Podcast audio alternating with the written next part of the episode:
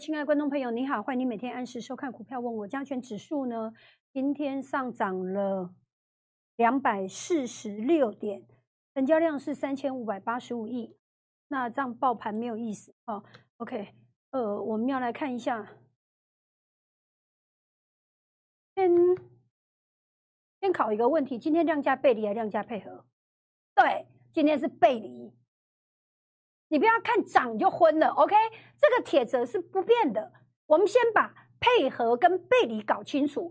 那问题来了，那背离就是说，我们为什么要在这里把背离跟配合搞得很清楚呢？因为我们要研判它是回升还是反弹，这个才是我们去去研究它是配合背离的最重要目的。所以呢，如果是回升，如果是回升。今天要配合，如果呢是背离，那我们大胆研判，今天是反弹，这样可以了解我意思吗？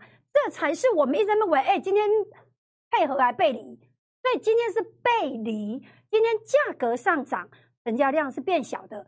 所以黄可元那边自我解释说什么只看到阿霞，所以什么量价都不看的，不行，你一定要看到。好，那么来了，那么呢，各位看到了一个叫做我先解一下盘，然后我再跟你讲我的动作哈。先解一下盘，因为我我不是一般投顾老师，所以呢，你现在所看到的是这是四千四百多亿的成交量。好，那我先说，我是一个在这里把多单跑掉，这里放空的人，然后呢，我这里。毫发无伤嘛，我在这里买多单，我在这里今天多单全出了，再重新来一次，我在这里买多单。您说啊，你今天干嘛？我真的，这是真的。然后呢，这里我今天两口多单全出了，好，于是开始来。今天是几号？今天是三月一号嘛，哈。我现在先带你来看，然后我待会继续的解盘。现在的情势呢，非常的诡谲多变，因为呢，乌俄的。呃，乌俄的的两边的谈判的呃条件，然后呢各说各话。那另外还有一种呢，叫做最后根本没有结果，可是一拖就是三个月了。我们最不愿意看到就是什么？就是乌克兰变成呃变成另外一个另另外一个阿富汗，然后呢，或者是另外一个越南，然后呢变成一个战争拖很久，所有人都希望能够能够能够速战速决。那么呢，云安投顾或者是我，或是我相信你们大家的立场都一样，我们谴责战争，对我们谴责暴力，我们谴责武力侵犯别的国家，对，这是我们的谴责。那我们认为呢，应该在和平的情况下能够坐下来谈，尽量谈。但是问题是不是谈不谈的问题，有时候是没得谈，或者是假装要谈。结果没得谈。我今天有带科斯托兰尼，对我今天的节目非常的重要，因为科斯托兰尼是一个第一次世界大战跟第二次世界大战全部他是利用战争发财的一个人。那么呢，在我的心里面，每一次呢，我内心要是感到有疑惑的时候，我就去找科斯托兰尼的话，然后从他的书里面，希望能够得到启示。好，于是开始来了。你现在所看到的是二月二十五号，你可以。把你的，因为我的 YouTube 是你可以，你可以一直重复看的哈，你可以把它停格在这里。这是我在上个礼拜五的时候呢，我的五个扣讯。前一天台股是下跌四百五十点，然后呢，我看一下隔天的美股就开高走低了。哎，对不起，就开低走高了，就开低走高了。然后那时候没有涨，我就带进去买了。再来一次，一七七七零。七百点就对了，一万七千七百点买进，好来，OK，好，再过来一次哦，认真的听我的思想，战争开打是买点，再来一次，如果你有我的扣讯，你就会知道我什么时候，我给你一个理由，我梁碧霞不是拍脑袋说，哎，你的金贝的地方不是安内啦，战争开打是买点，战争开打是买点，买到回报啊哈皮皮错，在金价是没心中，我真的没心脏，但我觉得，我觉得。我要告诉你，波斯湾战争的时候，我是一个在波斯湾战争破产的人，因为我把战争开打当卖点，所以我就杀在最低。再来一次哦，所以我有战争的经验。我告诉你，战争开打是买点，所以你现在来军安，你就跟着巨人就对了。你要卡迪瓦肩膀颠管，你就你就知道了哦啊好，我正经的经验。再过来到九点零八分的时候，你确认买到了第二口买在一七五八零，我预计今天要买三分之二，我大概就是做三次，我大概就是三口啦，我用三口作为单位，所以呢，我预计今天要买两两口。那这个两口就是假设你是呃，你一次做十口的人，你就是三分之二，你就是多少？你就是要做到六口，这样可以知道我意思吗？这个短线可以赚五百点。再来一次哦，各位，这个是在上个礼拜五九点零八分我发出来的，我连上档我都要算出来，我才知道我今天为什么要买到三分之二。你也你也才能知道，哎啊哈，皮皮做加西人的战争，死偌济人呢都开戏呀，做恐怖。OK，我告诉你，战争开打是买点，然后我告诉你，我连预计赚多少，我都要先有个底，我都要先有一个底，所以就是啦。所以礼拜五的拉尾盘跟今天就五百点啊，你看嘛，一七五八零，然后五百点不就多少一万八？就今天早上高点了。再来一次，懂我意思吗？这个短线可以赚五百点。这辈子进股市，我遇到第二次战争，我有战争经验，跟紧我。我我跟你的投顾老师不一样，我是用生命在跟我的会员沟通。再过来哦，哈，OK，好来，买到了，也买到了，再过来一次。这个才是灵魂，这个才是我值得你追随的地方。这是我盘中跟指数会员沟通的字，利空进出跟利空出境是很微妙的。各位分析师有很多档次，富贵险中求。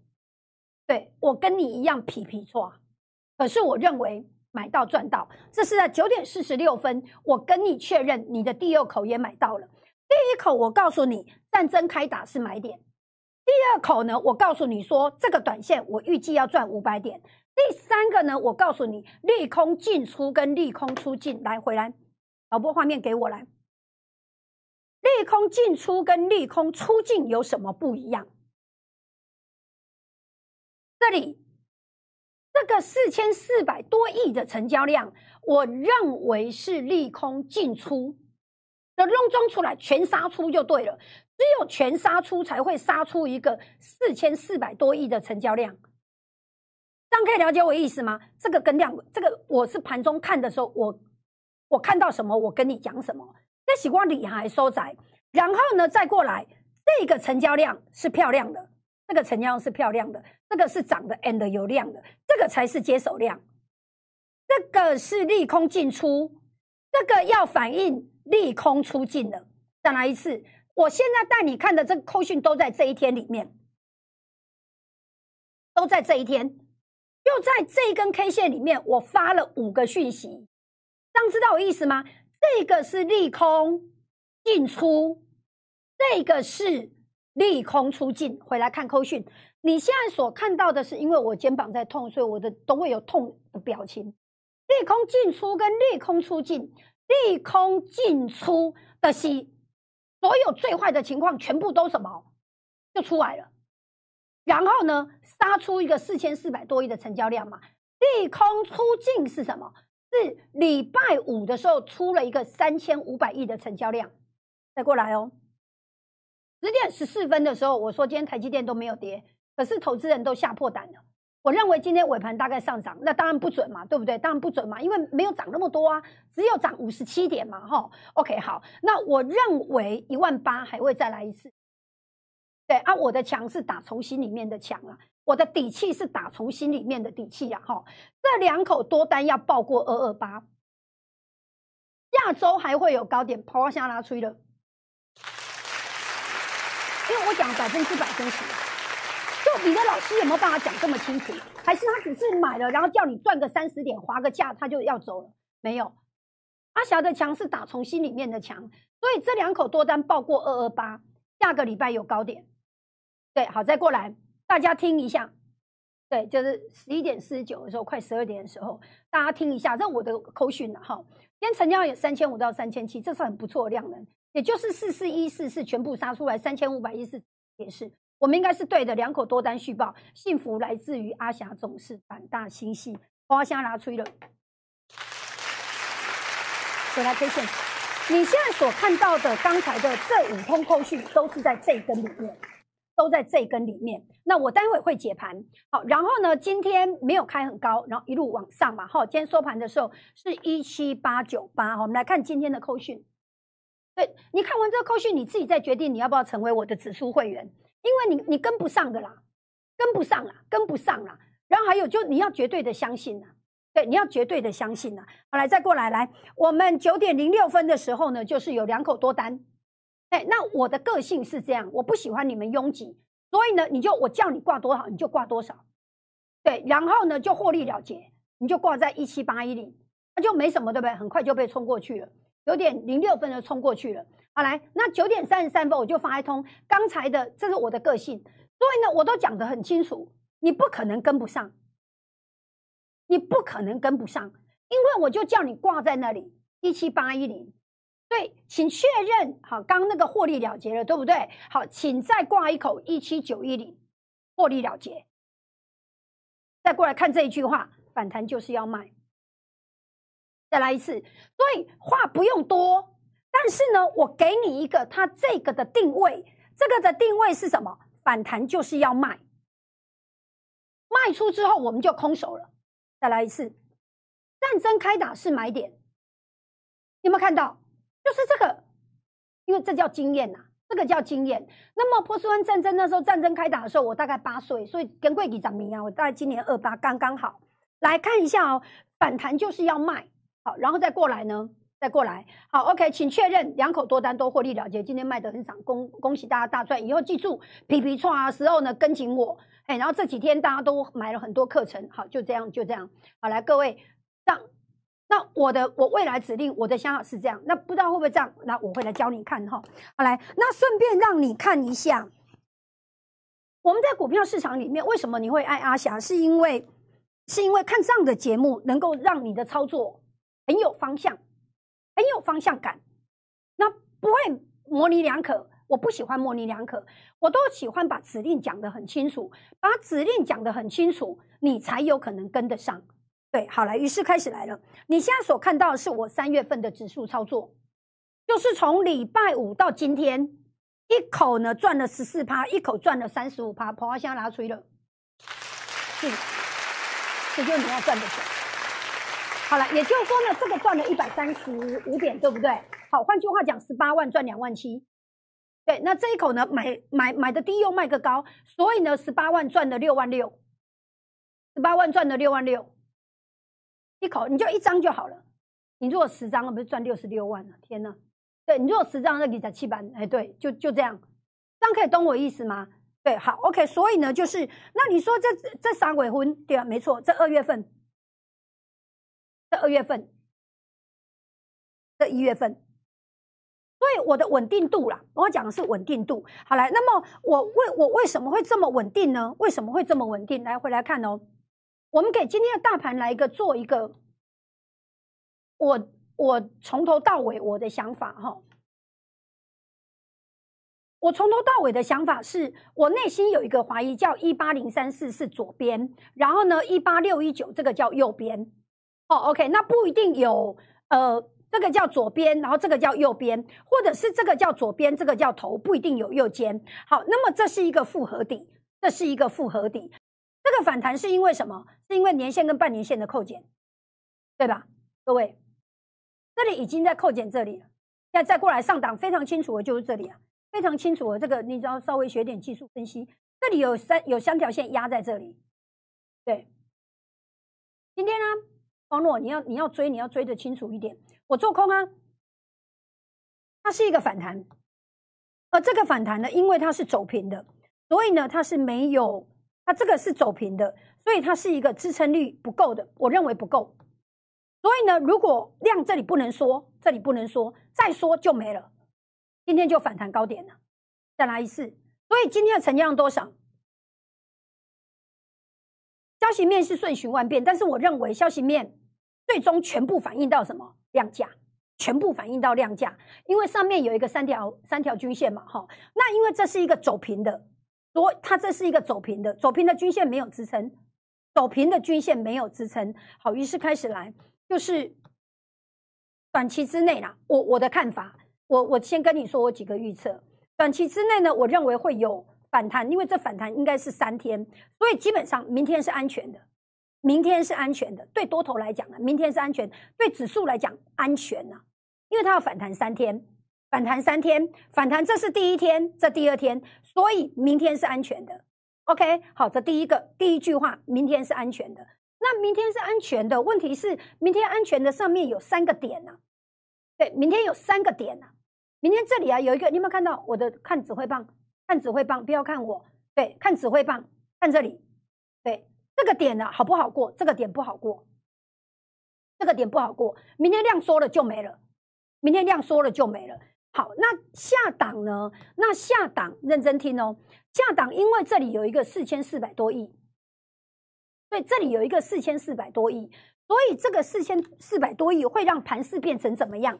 我短期拉回全部都在这里，这里呢就是一个我一直强调，诶，我不是为了要赚你的钱，然后跟你讲，你这时候做指数的，我跟你讲，你这时候怎么做呢？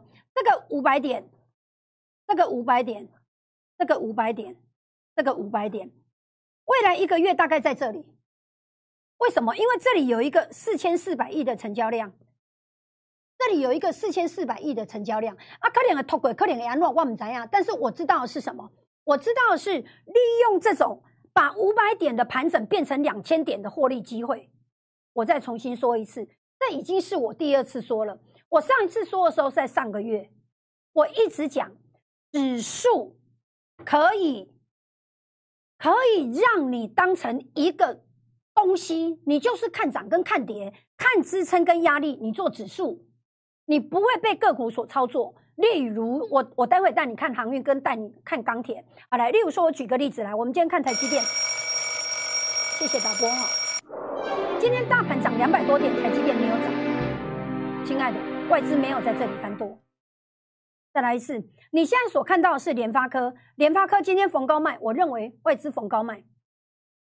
对我认为外资逢高卖，对，所以今天的反弹遇到，要反弹遇到反弹遇到上档的压力，好，二三一七，你说啊，你每收带我们看这个，我跟你讲，你你你做指数，你不看看这三档，你看什么？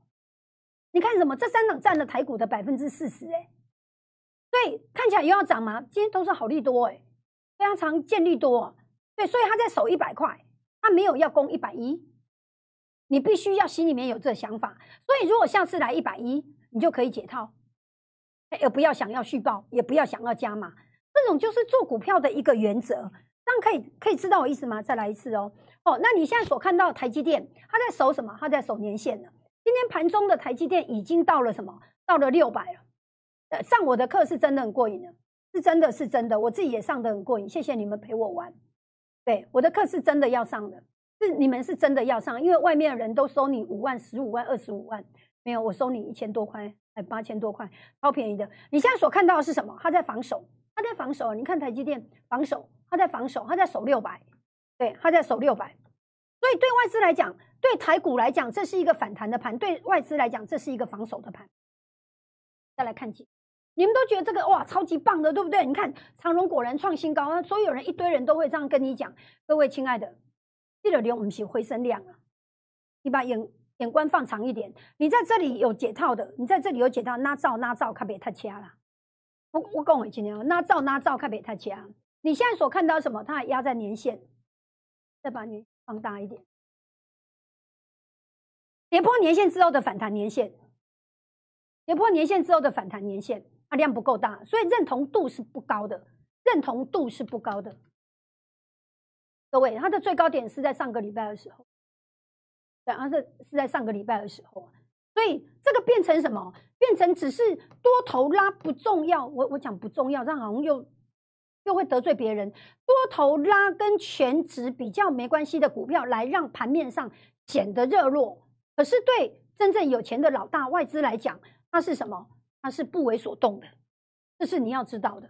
对，谢谢你们爱我，我也很爱你们。那么呢，呃，车厢里面这个这个我们的指数会员里面，呃，非常多人，对，然后呢，就是呃，我做每个决策都是非常谨慎小心的，你要相信我，对，你要相信我，呃，我很会市场反着做，对我很会，就说我可以闻到市场里面的贪婪，可以，我可以闻到市场里面的恐惧。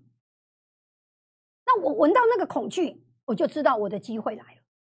所以呢，我就会跟我的会员讲：“我皮皮错，你要跟紧我，让金马来杯上。”这是真的，我的扣讯常这样。所以呢，就是鼓励升级、升级从优。那因为外面还有很多人要进来，所以麻烦车厢里面的人往前移动。对，来宾捉贼狼的对吧？所以我希望已已经在我的会员里面上车的往里面。所以呢，我鼓励升级、升级从优。